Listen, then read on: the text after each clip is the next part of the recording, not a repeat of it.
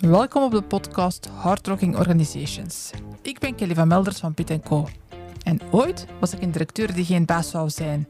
Voor jou ga ik op onderzoek. Hoe maak je een veilige, mensgerichte werkomgeving met een vlakke organisatiestructuur? Ik ga in gesprek met CEO's die hierin pionieren en met auteurs van managementboeken. Oh ja, ik neem deze podcast op in de Pietplek. Dat is mijn eigen podcaststudio. Een fancy, gerenoveerde oldtimer caravan. Nu ja, het is en blijft een caravan. Dus soms hoor je misschien wel een vogeltje fluiten of een auto passeren. Dat kan gebeuren. Veel luisterplezier. Welkom op de podcast Hardrocking Organizations. Vandaag zit Machiel de Dekker bij mij hier in de caravan in mijn podcaststudio De Pitplek. Machiel is CEO van AFAS België. En eigenlijk kennen wij elkaar al wat, wat langer. Want uh, toen zaten wij nog allemaal op een andere stoel. En toen dat ik directeur was van Kind en Preventie, heb ik op een gegeven moment gezegd van wij willen een ERP-systeem, wij willen met AFAS werken. En Machiel was toen consultant. Naderhand zijn we elkaar wat uit het oog verloren. En ondertussen zijn we terug op elkaars pad gekomen. Uh, Machiel is ondertussen de CEO. Hij heeft uh, AFAS heel sterk laten groeien. En ondertussen staat AFAS ook in de top 10 van beste werkgevers van België. Dus ik ben heel blij dat hij naar rechter is willen afzakken. En uh, dat wij vandaag kunnen praten over hardworking organizations. Dag Machiel en welkom. Ja, dankjewel. Een mooie introductie en leuk om hier te zijn. Ja, fijn. Fijn dat je naar Werchter bent willen komen. Um, door de velden. Door ja. de velden. Is ja. het de eerste keer Werchter? Uh, ik denk het wel. Ja, ja ik ja. stond hier op het kruispunt en ik ben hier eens een keer gepasseerd, maar niet. Uh, ah, het is nee. niet dat jij al op de festivals hebt staan, feesten hier. Nee, hier nee, niet. Nee, nee, nee. nee. Oké, okay. andere festivals dan. Wel als feesten, maar niet hier. Nee, nee, nee. oké. Okay. Um, fijn dus dat je hier bent. Um, AFAS, daar ben jij CEO van. Um, zij, zij, jullie verzorgen een ERP-pakket. Misschien kan je het zelf eens even een beetje beter uitleggen. Wat is AFAS precies? Ja, dat, dat moet wel lukken, normaal gesproken. uh, nee, wat, wat wij doen, inderdaad, wat, precies wat je zegt. Hè, wij maken een, een, een applicatiesoftware voor de totale automatisering van jouw bedrijf. Mm -hmm. Dus dat noemen we dan uh, met een duur woord ERP. Ik weet nog steeds niet precies waar de afkorting vandaan komt. okay. Maar, hè, dus het ja. gaat erom dat die totaalautomatisering, ja. dat vinden wij heel erg leuk. Daar uh, ja, wordt ons hart wel warm voor. Dus dat we echt zo'n hele oplossing voor één bedrijf kunnen geven. Hm. Uh, daarom hebben we daar een CRM in zitten, een, een, financiële applicatie in zitten. We hebben een projectmanagement daarin zitten. En één onderdeel van is ook uh, HR. En dat zetten we ook nog een keer apart in de markt. En de manier waarop hè, wij geloven eigenlijk dat bedrijven door software juist nog zoveel beter, efficiënter, maar vooral ook leuker kunnen worden. En dat spreekt elkaar soms wat tegen. Hè? Mensen denken software, oh ja, maar daar wordt het koud en daar wordt het uh, harteloos van. En dan komen er allemaal cijfers naar boven en daar word ik op gecontroleerd. En uh, er komen dashboards en die zien precies wat ik doe en zo. Nou, ik geloof juist door automatisering dat je tijd vrij kan maken voor dingen die echt belangrijk zijn. Ja. En daar maken wij met onze software ja, graag plaats voor in organisaties. Ja, ja en dat is heel fijn. Um, ik denk inderdaad als uh, hoe, hoe, minder dat je moet bezig zijn met zo de, de rompstop en zo, als dat automatisch gaat gebeuren en, en veel efficiënter, dan komt er inderdaad tijd vrij voor Klopt. mensen. En cijfers geven je natuurlijk ook goede ja. inzichten. Dus je kan ook veel gerichter het gesprek aangaan. Ja. Als ik tegen een medewerker zeg, ik denk dat je niet zo goed in je vel zit, want dat zie ik een beetje hoe je eruit ziet. Dat kan, maar de vraag is of dat je dan raak schiet. Ja. Als je op een gegeven moment zegt van, hé, hey, ik zie continu in bepaalde cijfers en KPI's zie ik dingen die een trend naar beneden laten zien. Dan kan je ook op die manier het gesprek eens ja. aangaan. Dat wil niet zeggen dat je iemand direct moet afschaffen of, of, of via een Amerikaans model, model direct zeggen, oh dat is niet goed en dan krijg je je bonus niet en dat soort dingen niet. Maar het kan wel een startmoment van een bepaald gesprek zijn. Ja, ja dat is mooi.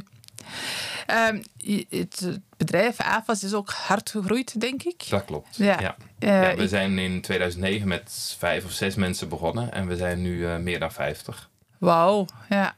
Dus dat is, dat is een mooie groei, zeg ik altijd. Hè? Ja. Maar de, en aan de andere kant, het is ook weer geen exorbitante groei van dat nee. je in, uh, in drie jaar tijd uh, vertienvoudigt of zo. Dat helemaal niet. Er komt ook, wij zijn een kennisorganisatie. Als wij onze software implementeren, dan moeten onze mensen naar zo'n bedrijf toe om ze daar te helpen. Mm -hmm. En als je dat te snel doet, dan merk je ook dat je dat ook qua medewerkers gewoon niet aan kan. Goed opgeleide medewerkers. Dus wij groeien ieder jaar gemiddeld 15%. En ik zeg altijd, als je dat maar lang genoeg doet, dan word je vanzelf marktleider. Voilà, dat is mooi gezegd. Um, maar inderdaad, zo een heel snelle groei van bedrijven die van, van niets beginnen en drie jaar later aan, aan, aan 50 personen zitten. Ik denk dat dat heel moeilijk is om, om dat ritme te houden. En ik weet ook niet dat dat zo gezond is. Maar wie ben en ik vaak om zie je ook na een aantal jaar, dan wordt het verkocht en onderdeel Ja. weer van een groter Ja, geheel. en dan ben je je cultuur en je identiteit ook weer kwijt. Dat is ook weer spijtig. Ja. AVAS zat vroeger in Mechelen. Jullie zijn nu verhuisd naar een, een mooi kantoor in Contig. Ik ben er al een paar keer geweest. Ja, dat. Ehm, want ehm, voor, voor de voorbereiding van deze podcast heb ik me begele- laten begeleiden door eh, Jana en Nadja van 50 Koffies. En zij zitten bij jou in het kantoor. Het, Yep. het valt mij op dat het een apart kantoor is. Ik bedoel daarmee heel fijn en hangt een heel fijne sfeer. Vrolijke mensen zie ik er altijd. Ehm, heel fijn ingericht. Ehm, en het, het, het toont wel dat er toch wel een, een, een fijne, aparte cultuur is bij jullie. Wat, Ja, het is een soort van een cirkel, denk ik altijd. Hè? Een cirkelwerking. Aan Ja. de ene kant, ehm wij noemen het ons clubhuis. ja, En het feit dat je het zo benoemt, maar vooral dat het ook zo voelt, dat zorgt er natuurlijk voor Ja. dat mensen daar graag komen en het naar de zin hebben en gelukkig zijn. Tenminste, dat hoop ik toch. En andersom, als mensen gelukkig zijn en ze komen naar kantoor, dan wordt dat kantoor ook vanzelf Ja. een fijne plek. Ja. Dus het is ook een soort van een cirkel die elkaar in stand houdt. En je hebt, het ene heeft het andere nodig. Hè? Als je zeker na corona op sommige plaatsen op kantoren komt. En dat is, ja, als je dan een koude, uitgestorven boel aantreft.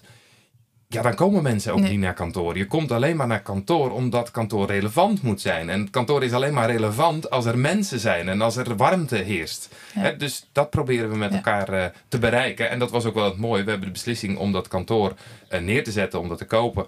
eh, om het te bouwen eigenlijk toen. Dat hebben we gedaan in de eerste lockdown.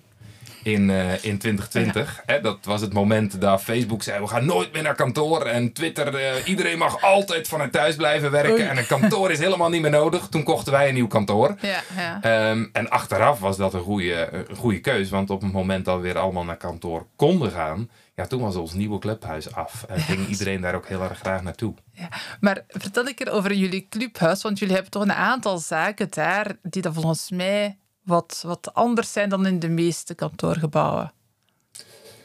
Ja, dat, dat weet ik niet zo En heel je dat goed. zo? Nee?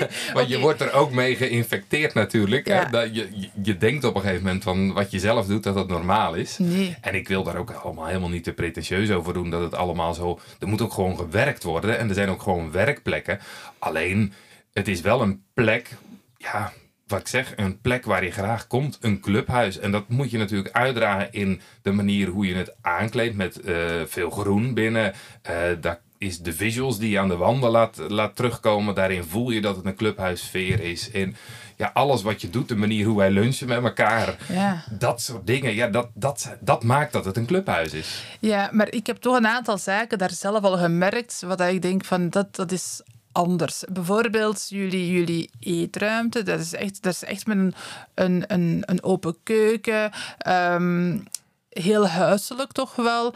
Ik denk dat in de, in de gerechten die dat er worden bereid, dat er wordt nagedacht en rekening gehouden bij veel mensen. Het is, er zijn daar zeteltjes, je schuift daar gewoon aan. Het is, het is geen kantine of een refter, hè. dat is het helemaal niet. Nee, nee, liever niet. Dat vind ik Nee. zo'n koude woorden. Daar staan pooltafels, Ja. toch? Ja, dat is En een grote toog. een grote toog. Daar heb ik dan niet aangehangen. Ehm, En een mooi dakterras. Ja, voilà. Ja. Ja. Ehm, maar ik heb bijvoorbeeld ook een, een post gezien, denk ik, dat jullie ook een gebedsruimte hebben gemaakt. Klopt. Ja.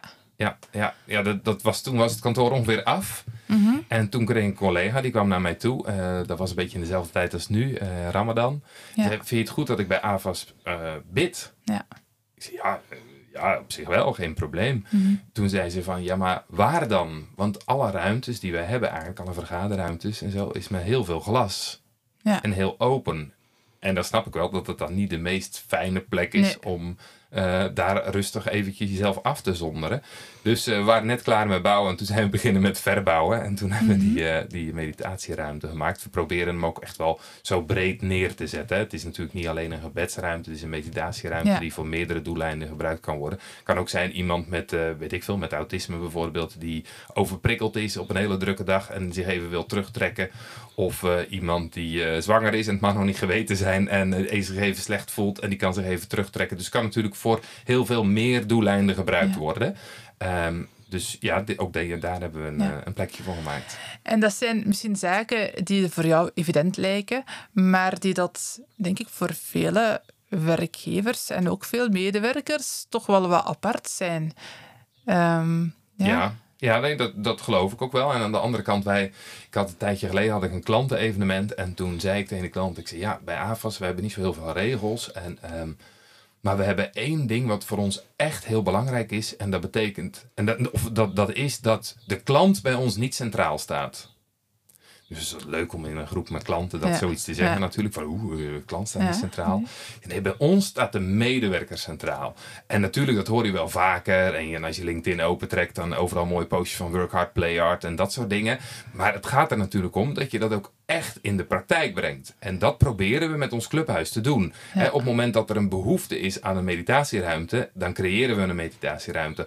Um, op het moment dat mensen afgelopen kantoordag hebben we voor de grap een keer uh, gewoon masseurs laten komen voor iedereen. En kon je jezelf inschrijven voor een massagesessie. Gewoon omdat het kan. En dat gaat vaak niet, dat zit niet in de grote kosten. Maar het is wel dat je net even een verschil maakt. En dat je er blijft nadenken van hoe kunnen we het zo, zo goed mogelijk met elkaar hebben. Het is werk, maar werk komt wel heel vaak terug in de werkweek. Uh, en hoe kan je het zo leuk mogelijk met elkaar hebben? En daar proberen we op allerlei manieren initiatieven voor te ontplooien. Maar dat begint natuurlijk vooral met echt luisteren van waar is nu behoefte aan bij de medewerker. En hoe kunnen we dat dan in de praktijk brengen in ons clubhuis? Ja. En dan inderdaad zijn daar niet zoveel procedures en regels voor nodig. Als je vooral luistert naar mensen en daarop inspeelt. Um, dat heb ik, eigenlijk, ik heb een paar podcasts geluisterd natuurlijk, hè, voor, vooral dat jij naartoe kwam. En ik heb jou dat ook ergens horen zeggen, dat jullie um, bijvoorbeeld jullie personeelshandboek hebben omgeturnd naar één regel. Ja, is dat werk zo? met gezond verstand en in het belang van ja, AFAS. Oké, ja, dat is duidelijk niet. maar, dat is duidelijk, maar ook heel onduidelijk. heb ik ook in de afgelopen jaren wel gemerkt. Hè? Want het is heel spannend om dat te doen. Hè? Regels geven ook heel veel kader. En mensen zijn ook wel vaak op zoek naar dat kader. Zeker ook in coronatijd. Van ja, maar hoeveel dagen mag ik dan thuiswerken? En als ik verlof heb op een thuiswerkdag, mag ik die dan op een andere dag recupereren? En daar was mijn antwoord op dat soort vragen altijd standaard. Geen idee, ik weet het niet. Wat denk je zelf dat in het belang van AFAS is? Ja. Wat vind je zelf met gezond verstand? Maar dan echt juist in dat soort situaties ook vanuit het management, is toch wel snel de vraag: ja, maar was dan de regel? Ja, maar die hebben we niet. Ja. En dat is ook best ingewikkeld. En aan de andere kant, het zorgt ook wel voor heel veel open gesprekken. En uh, ook fouten die we daarin gemaakt hebben. Dat we dan toch naar een soort van een stelregel vervallen. En dat iemand anders dan een andere behoefte heeft. En dat er dan toch vrij pot afgezegd wordt: nee, maar dat doen we niet. Ja, maar waarom niet? Hebben we dan wel geluisterd? Wat is dan precies de behoefte daarachter? Um, ik zeg ook altijd, als je met, met deze ene regel werkt, dat er geen regels zijn, dan kies je ook bewust voor ongelijkheid. En dat is ook vaak best moeilijk. In een, zeker ook bij AFAS hebben we een hele jonge populatie. Ja, maar die krijgt een week de tijd na het overlijden van zijn vader of moeder. En iemand anders, die komt direct terug werken. Wat is dan de regel? Ja, er is geen regel. We kijken hm. wat de behoefte is voor de persoon op dat moment. Ik vind dat zeer krachtig. Um, en dan ben ik ook benieuwd van hoe is dat dan gegaan? Want uh, jullie waren in 2009 van vijf personen, ondertussen met 50. Ja, hoe is dat dan gegaan van, van dat op die manier te kunnen gaan doen? Ja, dat gaat ook niet van de ene op de andere dag. Hè? Dus dat, dat wil ik ook wel bedrijven die dit luisteren en denken van... oh, dan gaan we dat morgen doen. Uh, dat is misschien geen goed idee. Misschien moet je daar eerst eens even over nadenken. Er moet een cultuur van vertrouwen zijn. Ik denk dat dat heel erg belangrijk is. En vertrouwen um, laat, laat ja, tijd eigenlijk... En, inefficiëntie uh, dalen. En vertrouwen zorgt er dat je, dat je snelheid kan maken. Zeg maar. En dat geldt ook in dit soort regels. Op het moment dat je, ehm, dat je dit implementeert, dat kan alleen als er een basis en een cultuur van vertrouwen is. Dat je ook echt zegt van ja. Maar ik vertrouw mijn mensen dat ze hier goed mee om kunnen gaan. En als het er een keer fout gaat, dat we er een gesprek over kunnen hebben. En dat we daarna het weer oppakken met elkaar. En we hebben bij AFOS gezegd: ehm, wij keuren geen verlof meer goed of af. Dat is eigenlijk best raar in een relatief hoog opgeleide organisatie, die wij zijn natuurlijk, met consultants en het zijn allemaal uh, mensen die gestudeerd hebben. Um, dat je zegt van ja, dan ga ik iemand anders, een M plus 1, die, die, die weinig tijd heeft waarschijnlijk, die, die tijd kostbaarder voor is, die ga ik dan eigenlijk de agenda van een medewerker laten controleren en kijken of dat de verlof wel een goed idee is op dat moment. Ja.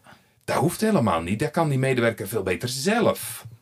En op het moment dat je weet dat je niet meer gecontroleerd wordt daarna, ga je ook veel taakbewuster om met dat verlof aanvragen. Maar dat werkt natuurlijk wel alleen dat er vertrouwen is dat mensen daar goed mee omgaan. En wij hebben het ook wel eens gehad bij mij in een team, dat dan. Um, een ene keer waren er was er bijna niemand op kantoor of zoiets. Of, of, of waren het er te weinig, waren er te veel tegelijk. Nou, dan heb je het een keer met elkaar daarover. En dan moet die, dat vertrouwen er zijn. Dat als je het dan met elkaar daarover hebt. Dat daarna het team het oppakt. En dat het eigenlijk niet nog een keer gebeurt. En ook als er weer nieuwe mensen bij komen. Dat die mee opgenomen worden door de rest van het team. In die cultuur van vertrouwen die er is. Mhm. Dus dat is wel heel erg belangrijk. Ja, een cultuur van vertrouwen is... is belangrijk en dat is de basis van veel zaken. Nu, wat jullie doen, bijvoorbeeld ja, verlof gewoon automatisch toekennen en goedkeuren. Mhm. Eh, ja, toen ik dat hoorde, dan dacht ik van ja, dat is, dat is iets waar ik in mijn directeursperiode ook heel enthousiast over was. En waar ik ik had het als wilde idee dat ik er gewoon nog verder mee wou gaan. Bijvoorbeeld, ik weet een bedrijf, ik denk dat het Marbles is of zoiets, die dat gewoon mensen onbeperkt verlof laten mhm. nemen. Mm zijn van die systemen waar ik eigenlijk ook in geloof. Naar mij toe, al sinds dat gevoel kreeg ik toen dat, dat mensen bij mij toch wel het idee kregen maar ja, Kelly, jij... Um, ja, zo, zo weinig regels, jij, jij zoveel vertrouwen geven. Mensen gaan gewoon los over u wandelen. Zo dat gevoel kreeg ik dan toch wel. Um, terwijl, en ik, kreeg, ik begon aan te twijfelen aan mezelf als, mm. als directeur zijnde. Maar hoe, hoe, hoe is het dan voor jou? Hoe doe je dat eigenlijk om daar toch bij die, bij die visie te kunnen blijven? En niet te vervallen in, we gaan dan toch maar regeltjes gaan uitvinden. Ja, dat is het natuurlijk jezelf continu scherp houden. En zeggen van, oh ja, maar wat, wat zijn we hier nu aan het doen? Zijn we hier nu een regel aan het creëren? Uh, dat willen we niet. En dus dat is vooral scherp blijven. Maar ik snap, ik snap je eerdere punt wel van uh, wordt het dan niet te soft of zo. dus het draait natuurlijk wel om balans. Er moet ook gewoon gewerkt worden. Ja. En we moeten ook gewoon een resultaat neerzetten. En we hebben ook gewoon targets. En we hebben ook gewoon cijfers die gehaald moeten worden. Maar wel op de manier die wij fijn vinden met elkaar.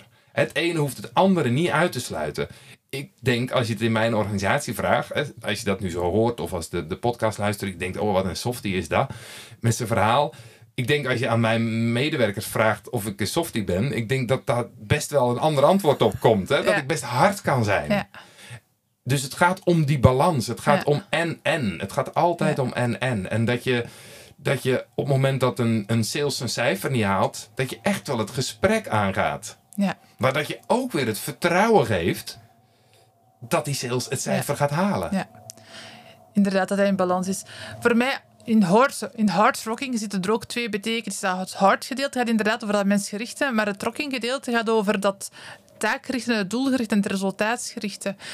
Wat zijn zo de manieren wat dat jullie hebben om ook dat resultaatsgerichte uh, op te volgen en mee te nemen in het, in het verhaal? Ja, we zijn een softwarebedrijf. Ah, ja, dus jullie automatiseren gewoon. dus dus wij kunnen vooral heel veel dingen zichtbaar maken. Ja, ja. En je kan eh, een consultancybedrijf, daar kan je echt fantastisch met allerlei cijfers inzichtelijk krijgen. Ja.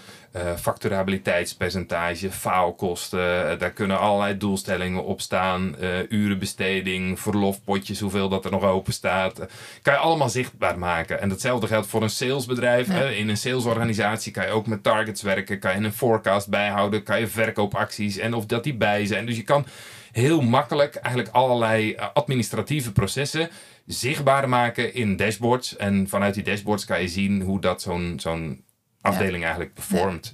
En vanuit daar kan je dan ook weer ingrijpen. Dus Ja. dat is het voordeel wat wij hebben en dat we dat redelijk goed voor elkaar hebben. Vind ik ook een van de, mijn taken. Hè. Ik vind die bedrijfscultuur heel erg belangrijk. Daar ben ik misschien wel een kwart van de tijd eh, van, mijn, van mijn werk ben ik daarmee bezig. Maar een ander kwart van mijn tijd is ook wel kijken naar die cijfers en proberen daar trends in te herkennen. En ook wel iets dieper te duiken dan dat eerste cijfertje wat je ziet. Maar wat is nu het verhaal erachter? Ja. En weet ik nu echt wat er speelt Ja. bij mijn mensen? Ja. Ook soms gewoon eens even een keer met een sales of met een consultant een wandelingetje gaan maken. En eens vertel eens, hoe gaat het nu echt met jou als persoon? En hoe gaat het in je werk? En hoe gaat het in het bedrijf? En dan hoor je ook weer heel veel verhalen naar boven komen. Waar je later weer eens kan zeggen, ga ik eens eventjes induiken. Wat Ja. zit daar nu precies? Ja. Dus het is inderdaad eigenlijk als, als bedrijfsleider een manier vinden op een goede manier aan de feitelijke gegevens van, van jouw bedrijf te geraken. En een ERP-systeem kan er natuurlijk Ja. bij helpen. Ehm, en daar dan op een menselijke manier mee omgaan. Ja, Ehm, dat interpreteren, daar, daar Ja. iets mee doen. ja, ja. En in de diepte gaan ook, hoor ik u vertellen. Absoluut. Ja, en ook als, als zaakvoerder, als bedrijfsleider of als manager. Echt ook bij jezelf die vraag durven te stellen van... weet ik nu echt wat er speelt? Ja. Het durf diep te gaan. En Ja. niet alleen aan de oppervlakte van... ja, wat zie ik? Hè? En de oppervlakte is misschien perfect en mooie cijfers... en geen reden om verder te gaan. Ehm, maar vaak ligt er toch nog wel iets onder. En dan eens even kijken... ik had een tijdje geleden bij sales... heb ik eens even gekeken van... Wat is nu de reden dat we sales trajecten verliezen? Dat houden wij allemaal perfect netjes bij. Het zit allemaal in onze CRM. Als ik naar de cijfers kijk, die staan allemaal op groen. Dus er is eigenlijk geen enkele reden te- om te kijken naar de verloren trajecten. Want we halen onze targets. Maar het is wel interessant. Ja. En is daar een verschil tussen de ene medewerker en de andere? En wat is precies die waarde? En wat zijn dan de redenen die we gebruiken? En als we die redenen gebruiken, wat doen we daar dan mee? Worden we daar als organisatie wijzer van? Als we trajecten verliezen, aan een concurrent bijvoorbeeld, wat doen we daar dan vervolgens mee? Gaan we, hoe gaan we zorgen dat we hem de volgende keer niet meer verliezen? Nou, Dat zijn interessante dingen. Of ons, eh, ons supportsysteem. Hè, ehm, cijfers staan allemaal in het groen, allemaal perfect. Maar hoe kunnen we qua, als organisatie eigenlijk in plaats van incidenten oplossen, die klanten bij ons insturen, ook incidenten gaan voorkomen? Ja. Dan wordt het werk een stuk leuker van voor die mensen. Maar ook voor de klanttevredenheid is het een stuk beter. En daar is misschien geen aanleiding voor. Maar weten we nu als, als managers, als zaakvoerders echt wat er speelt bij de mensen? Ja. Ja, ik, ik, ik verschiet er niet van dat jullie in de top 10 staan van beste werkgevers. Ehm dan wil ik nog weer vragen. Ehm, ik heb het gevoel dat de, de manier waarop dat jullie werken bij AFAS, dat dat heel nauw aanleunt bij wie dat jij als persoon bent. Heb ik het gevoel. Ehm, Dat is ook Maar- een gevaar, hè? Ja, Dat waarom? het afhankelijk wordt van een individu. En dat kan eigenlijk ook niet. Wel, mijn vraag... eh, dat was niet die insteek, maar dat heeft er wel een beetje mee te maken. Mijn vraag is eigenlijk van hoe kan je ervoor zorgen dat dat ook met je management en zo, dat dat een, een gedeelde visie is? Wat doe je daar dan voor? Ja, vooral tijd maken. Ja, dus het daar met elkaar over hebben. Wij hebben iedere maandagmorgen een uurtje met het managementteam. Ehm, dat is eh, online in principe. Dus eigenlijk met name de laatste tijd via de gsm gewoon. Hè. Dat deden we vroeger via Teams. Maar daar zijn we van afgestapt. Dus, want dat, dat zorgt dat je achter een laptop er of, of iets ergens moet zitten. En de meeste mensen die gaan gewoon even maandagmorgen een wandelingetje in de natuur maken. En dan hebben we een groepsgesprek. En dan nemen we even de week door met elkaar. En hoe was je weekend? En wat speelt er voor jou deze week? En ja, daar komt al veel in naar boven. En Ja. dat doen we iedere, iedere week. Ehm, we gaan ook ieder jaar een keer met, eh, met het managementteam drie dagen weg. En dan hebben we onze MT-dagen. En dan Ja. duiken we echt wel de diepte in, in een aantal thema's. Dus je moet er vooral ook wel tijd voor maken. En je merkt ook wel natuurlijk, je kiest ook wel mensen, die, mensen die in een leidende positie komen, waar je ook een stukje van die cultuur in terugziet. Ja. Hè? Wat cultuurdragers zijn eigenlijk van je organisatie. En cultuurdragers heb je nodig in je managementteam, maar cultuurdragers heb je ook daarbuiten nodig. Hè? Want je kan ook een projectleider in een consultiebedrijf of eh, iemand die al tien jaar bij ons werkt en geen leidinggevende positie heeft, kan wel een cultuurdrager zijn. Tuurlijk. Hè? Dus je moet breder kijken dan alleen je leidinggevende. Is eigenlijk niet iedereen een stukje cultuurdrager? Dat is waar, alleen dan kan je van een medewerker die net drie maanden binnen is, kan je dat minder verwachten, zeg maar. Hè? Die, je hoopt dat die ergens aan de ene kant past in die cultuur en iets bijdraagt aan die cultuur en ook dingen weer in vraag Mhm, durft te stellen bij een nieuwe medewerker die binnenkomt. Eh, maar zeker die, die anciens, zeg maar, Ja. die hebben wel een functie Ja. in jouw eh, organisatie om ook dingen te signaleren op het moment dat het misgaat. Hè? Want laten we het daar ook, ook eerlijk over zijn. Zo'n cultuur, dat, zo'n cultuur van vertrouwen en, en, en met elkaar samen mooie dingen doen, eh, dat is niet zo makkelijk om die op te bouwen. Of nou, niet zo makkelijk, maar daar moet je tijd en energie in stoppen. Ehm, en die is ook makkelijk weer weg. Dat kan zomaar misgaan. Hè? Als je redelijk veel instroom hebt en er stromen een aantal mensen in die dit niet dragen. En daar op een gegeven moment dat begint te schuren en Ja. daar, ontstaat wantrouwen. Dan kan het ook zomaar over zijn. Hè? Want vertrouwen, zeg ik altijd, dat, dat kan je niet. Je kan niet iemand 80% vertrouwen. Hè? Nee. Vertrouwen is wat dat betreft echt een IT-ding. Ja. Het is een Ja. 1 of een 0. Ja. Ja. Je vertrouwt iemand of helemaal of niet. Ja. En als er dan wantrouwen ontstaat, dan komt er heel snel zand in de radertjes en dan kan het ook zomaar misgaan. Ja, en, en wat doe je dan in die situatie? Stoppen, Stoppen. Ja. Ja. heel snel. Ja. Dat is de enige oplossing. Ja, ik, dat is misschien toch wel een situatie waar dat, ja, toch wel mensen ook kunnen inzitten. Die dat inderdaad dat idee hebben van ik wil zo'n soort bedrijfscultuur hebben. Ehm, en ik merk bij een aantal mensen dat daar strubbelingen of wrijving op zit. En dat je vanuit je mensgerichte visie ja, daar blijft in investeren en, en kansen geven en dan een grote zelfreflectie bij jezelf hebt natuurlijk. Mhm. Ehm, terwijl ik dan soms ook zeg van, ja, misschien moet je gewoon knopen doorhakken. Dat is vaak wel een lastige. Heb ik zelf ook wel een, een parcours in afgelegd Ja. hoor. Eh, in het begin was ik daar dan, ja, dat, dan, dat het dan misging of zo. Dan heel erg inderdaad naar mezelf. En wat heb ik dan verkeerd gedaan? En had ik daar toch anders in moeten acteren? Of had ik het eerder moeten zien? Of had ik eh, die meer moeten begeleiden? Of is daar bij een leidinggevende iets in misgegaan?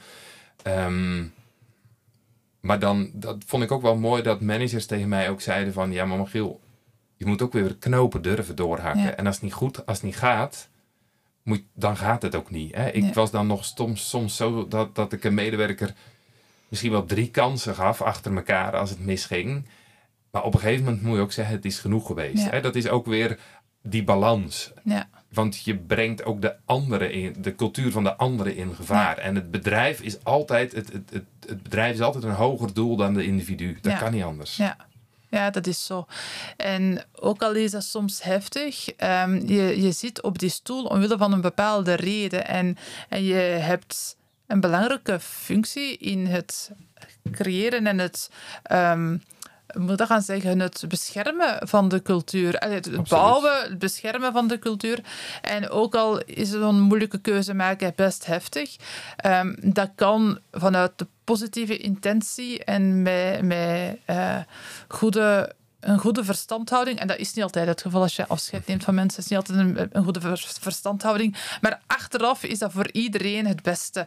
Want wellicht die persoon die ook ongelukkig zit in diezelfde bedrijfscultuur. ehm, ja, die, die zal misschien elders wel veel gelukkiger zijn. Absoluut. Ja. Wij, hadden, we hebben de opening gedaan van ons clubhuis eh, een tijdje geleden, een jaar geleden ongeveer. En toen had ik ook alle ex-medewerkers van AFAS, Ja. die ooit of vrijwillig of iets minder vrijwillig weggegaan zijn, allemaal uitgenodigd. En dan kreeg ik ook weer wel hele mooie reacties. Hè? Dus die verstandhouding die kan vaak ook best wel goed zijn. Als je zegt, ja, maar dit, wij passen niet bij elkaar. En Ja. ja, dan moet je ook eerlijk zijn. Maar ik krijg wel kippenvel van dat je dat gedurfd hebt ook om, om ex-medewerkers, die dat je misschien zelf ook eh, hebt ontslagen, terug Klopt. uitnodigt. Ja. En toch weer aan dezelfde tafel gezeten Ja. en een toffe babbel Ja. meegehad. En het gaat nooit om omdat je die mens pijn wil doen of zo. Nee. Het gaat erom dat je moet kiezen voor het bedrijf en Ja. het bedrijfsbelang. En dat is vaak ook weer het belang van het individu, wat je Ja. zelf ook zegt. Hè? Zo iemand in zo'n cultuur als wij hebben, dat moet ook passen. Ja. En dat past wel of dat past niet. En als dat niet past, dan kan je beter ergens anders naartoe gaan. Word je misschien veel gelukkiger van. Ja. Dat, dat, dat doet me wel iets, want dat is zelf ook iets waar ik mee worstel. Hè? Want ik heb ook best van een aantal mensen afscheid genomen in die periode dat ik die functie deed. Ehm, en eigenlijk als persoon mis ik soms wel sommige mensen. En toch durf ik nu, jaren later, daar toch niet opnieuw contact mee opnemen, omdat ja. ik schrik heb. Ik heb die ooit gekwetst. En dan denk ik van, ja Kelly, dat zijn de blaren waar je moet op zitten. Ah, ja, ja, ik heb eh, onder andere in het, in het avontuur in België. Ehm, heb ik samen met een Nederlandse collega gedaan. En je hoort het al aan mijn spraak. Ik kom uit Nederland, kan daar niks aan doen. Ik ben daar geboren. Ja. Eh, dat is een van de dingen in je leven waar je weinig eh, invloed op hebt. Nee, maar ik ben in 2009 dan in België gekomen. En dat heb ik samen met een andere collega gedaan waar ik heel veel mee optrok. Ja. En ik werd toen verantwoordelijk voor het operationele deel. En eh, hij kreeg van mij een promotie als senior consultant. Ehm, heel lang samen opgetrokken. Maar op een gegeven moment ging het niet meer. En toen heb ik toch de beslissing van we gaan stoppen met elkaar. En eh, wel geholpen en begeleid naar een, een andere functie bij een ander bedrijf. En je probeert er wel goed voor te zijn, maar het gaat toch uit elkaar. En dat Ja. doet pijn. Dat Ja. deed mij pijn, het deed hem pijn. En daar zit dan ook best een beetje verwijt. Maar een tijdje geleden zijn we weer eh, samen op pad geweest. Ja. En dat kan wel. Ja. En ja, dan blijf je ook maar gewoon mensen en dat ook met elkaar uitspreken van, nou, dat was toen niet, niet fijn voor elkaar. Hè? Dat deed mij pijn, dat deed Mm. jou pijn. Maar als mens Ja. kunnen we nog wel verder.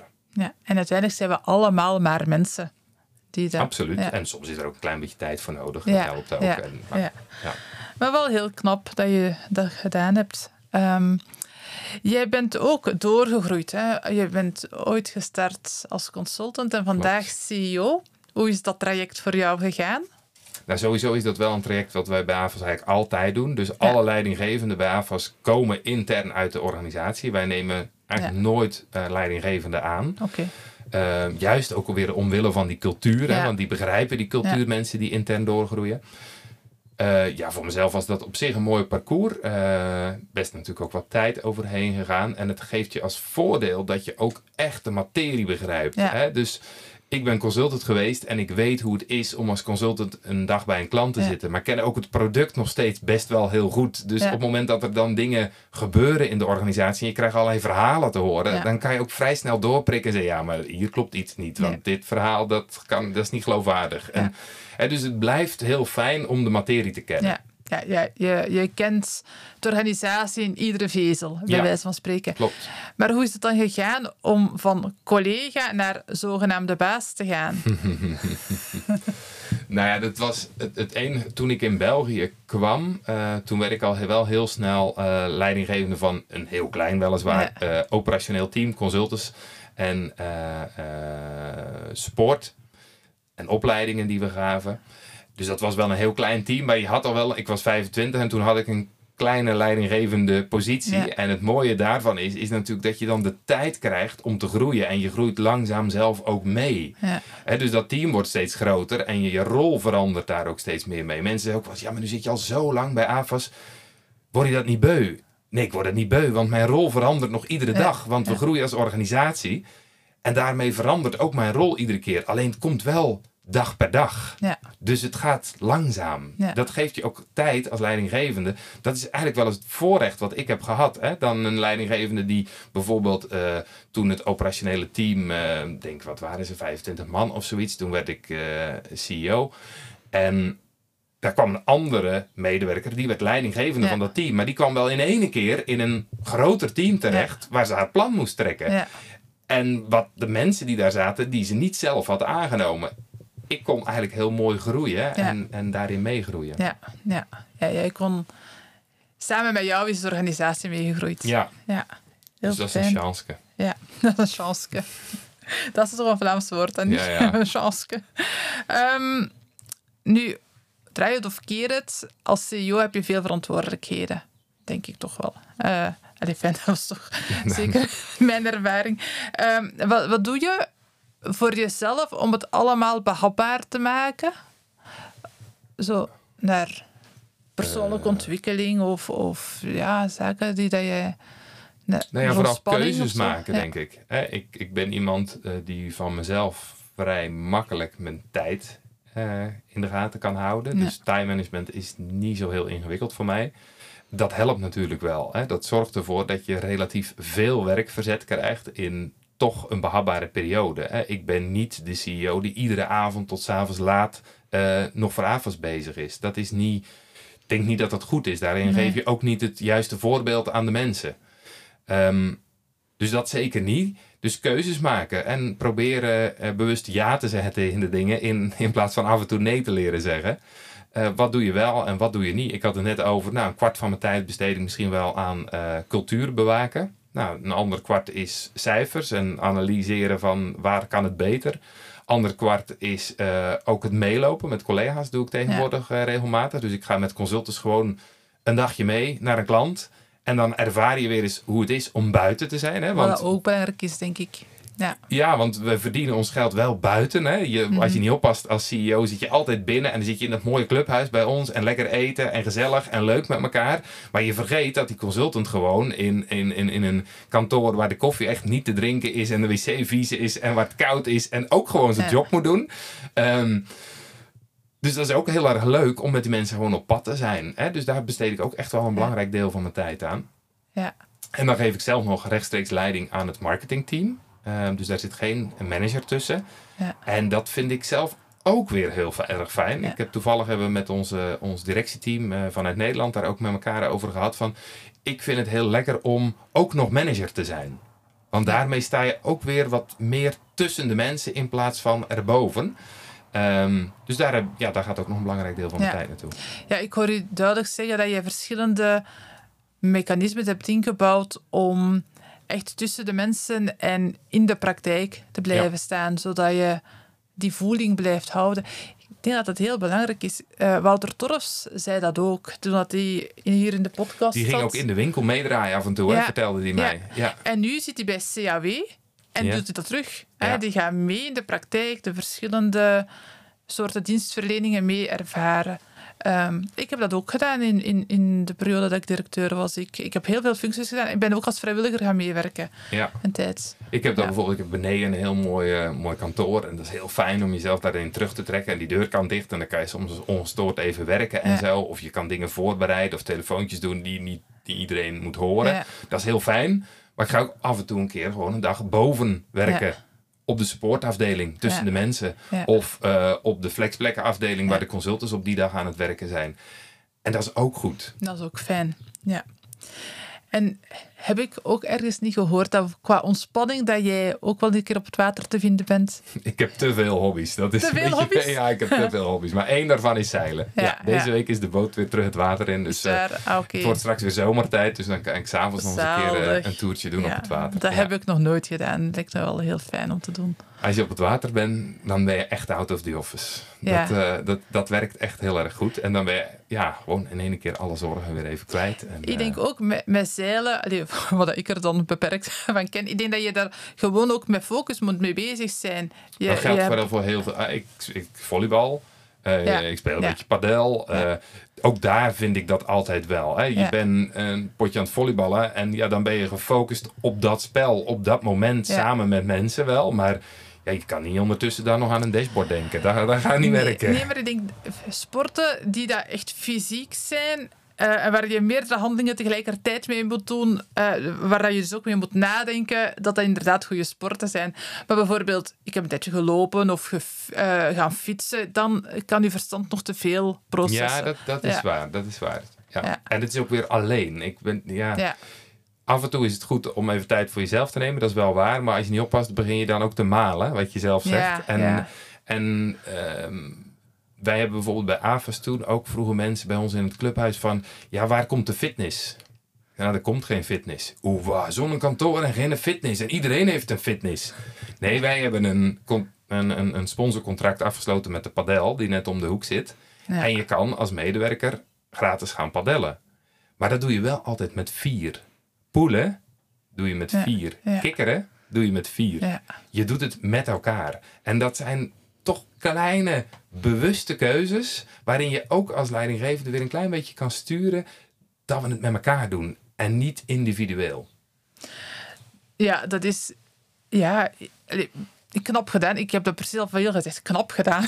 niet te veel, maar nee, nee, nee, nee, naast maar, mijn schoenen, dat is ook niet goed. Nee, nee maar ehm, het feit dat je daar bewust mee bezig bent van samen te doen en dingen te doen om die samen te stimuleren. Ja, dat is knap. En dat is ook gewoon heel erg leuk. Ja, hè? Laten we dat vooral niet vergeten. Ik, Ja. Wij hebben bij AFOS een clubhuisbeheerder. Hè? Dus iemand die verantwoordelijk is voor het reilen en het zeilen. Ook de technische dingen en, en de communicatie met de partners die bij ons ook in het bedrijf, even in het, in het gebouw zitten. Ehm, en dan ga ik soms met haar gewoon een rondje door het gebouw. En dan kijken van waar kan het beter? Ja, Waar kunnen we weer wat waarde toevoegen? En nu hebben we bijvoorbeeld eh, tij- eh, deze week hebben we gedichten opgehangen in het trappenhuis. Dat is ook zoiets. Er waren allemaal Ja. kale witte muren. En kunnen we hier niet iets leuks van doen? En dan hebben we een klein werkgroepje en een paar mooie teksten. En die hangen Ja. daar nu op. Eh dus iedere keer een rondje van waar kunnen we weer wat waarde toevoegen? En dat is Ja. heel, erg, heel erg leuk om te doen. het wou ook gewoon leuk zijn, natuurlijk. Hè. Ja, ja, Ja. absoluut.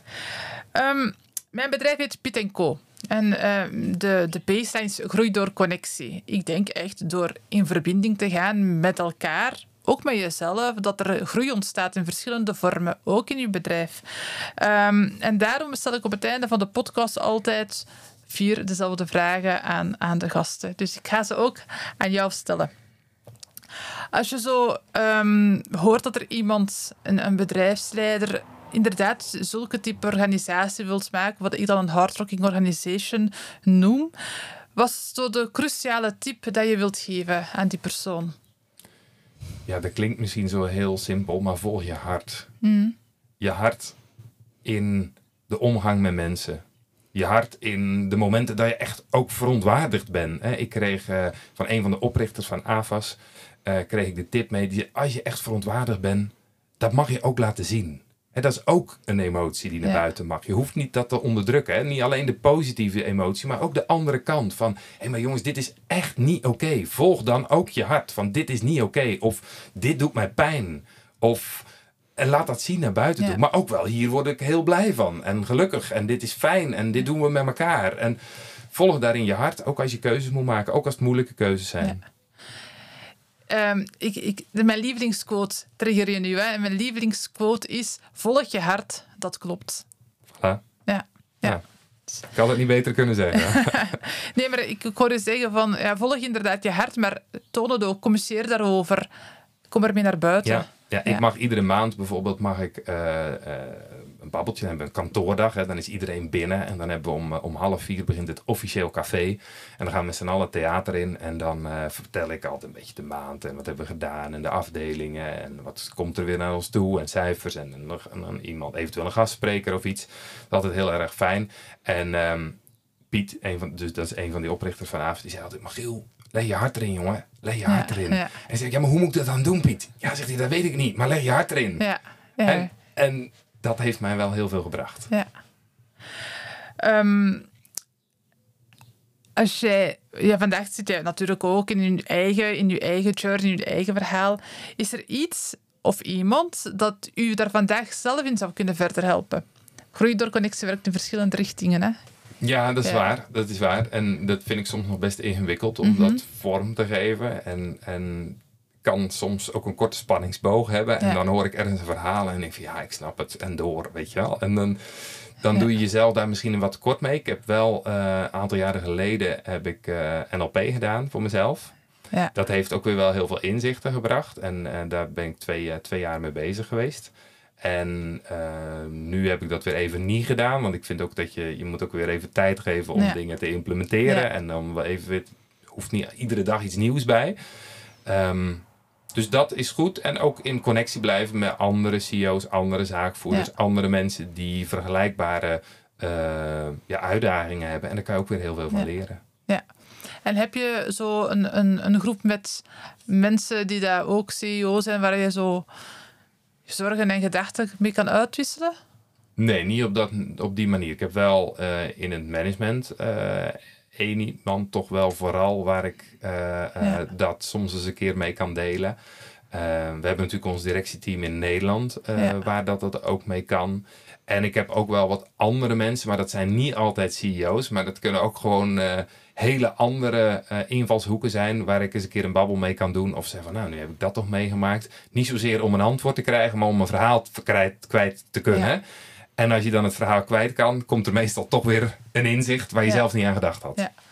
En ik denk dat het belangrijk is van als, als CEO, als verantwoordelijke van een, een organisatie, een klankbord te hebben. Ja, Om- maar ik om- kan ook wel echt binnenvetten dan hoor. Dan kan ik soms ook daar voor mezelf houden en dan thuis het niet vertellen en dan nog eens een poosje op zitten kauwen en knagen. En dan denk ik, ah ja, maar nu heb ik het gevonden en dan hup, weer weg en door. Maar soms kan dat, eh, is iets Ja. waar ik nog best aan kan werken Ja. voor mezelf. Ik, ehm, ik heb net over Wouter Torfs ook gesproken. Ehm, die eh, zit, is ook betrokken in Organizations of the Future. Dat is een, een, een groep van mensen die dat dezelfde leiderschapsstijl hebben en regelmatig samenkomen. Die doen verschillende events en die organiseren ook councils. Ik ben daar zelf nooit bij geweest, maar ik denk dat dat super interessant is.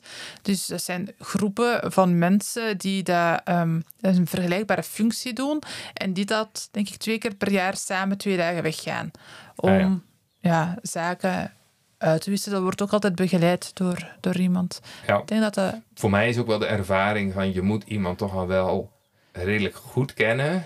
Wil je die deurtjes openzetten? Ja, ja, ja. Ja. ja, ja. En dan is het misschien twee keer per jaar nog, nog aan de weinige kant. Ja, misschien wel. Ehm, maar het is wel belangrijk om een aantal mensen om je heen te Ja, hebben waar je dat ja. wel mee kan doen. Ja. Ga ik mijn laatste vraag stellen, eh, Machiel. Ehm, ja, je hoort waar dat ik ook mee bezig ben. De hardrocking organizations. Ik, ik ben echt op een missie. Ik, ik geloof dat ehm, zulke type organisaties zoals AFAS ook is, de toekomst zijn. Ik geloof niet meer in die systemen van veel organisaties die vrij hiërarchisch zijn, heel bureaucratisch zijn. Ik ben echt op een missie om ehm, daar verandering in te brengen. Door mensen daarin te helpen, eventueel, maar vooral ook te inspireren. Ehm, is er nog iemand waar jij aan denkt, dat je denkt van eh, Kelly, die moet ook op je pad komen? Nou, ik, eh, we hebben in het verleden daar eh, met, eh, met iemand samengewerkt. En, en nog steeds hebben we regelmatig contact. Dat is Anja Moordgat. Anja Moordgat. Die heeft een boek geschreven. En dat klinkt ook lekker soft. Het nieuwe lijden is vrouwelijk. Maar dat kan ook voor mannen. Ehm, Ja. En dat boek is, is nog, maar, nog maar pas uit. Ik ben bij haar boeklancering geweest. En daar gaf ze natuurlijk een soort van een keynote over dat boek. Dat was echt wel eh, de moeite waard om eens een keer naar te luisteren. Oké, ja, dat ga ik zeker eens opzoeken. Dat is weer een hele andere invalshoek die we vandaag zeker niet ehm, behandeld hebben. Maar hè, dat zacht en dat aan de andere kant, aan de, hè, aan de ene kant vanuit je hart en aan de andere kant toch ook rocking, zoals jij Mhm. Ja, het dan ja. zelf noemt. Hè? Ja. Resultaat, die balans daartussen. Nou, dat noemt zij zeg maar het vrouwelijke manier van leiden. Eh, andere invalshoek, misschien hetzelfde verhaal, maar wel weer een, op een mooie manier gebracht. Dus eh, zeker een aanrader. Oké, ik ga ze eens eh, opzoeken en je mag me zeker ook in contact brengen met haar. Komt helemaal goed. Machiel, heel erg bedankt voor het gesprek. Het was super inspirerend. Ik vind dat jullie heel sterk bezig zijn en ik ben eh, blij dat ik AFAS mag kennen en jou ook eh, als eh hardrocking organization. Nou, dankjewel dat ik in de caravan mocht zijn. Heel graag gedaan. Tot de volgende.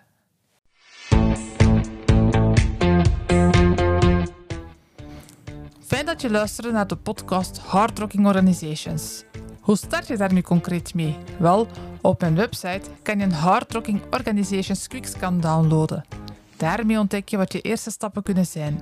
Mijn website is www.pitco.be, maar ik steek ook een link in de show notes. Vond je dit een inspirerende podcast? Abonneer je dan, zo mis je geen enkele aflevering. Of deel die met je netwerk, want hoe meer hardrocking organisations er ontstaan, hoe beter. Tot de volgende. Ciao.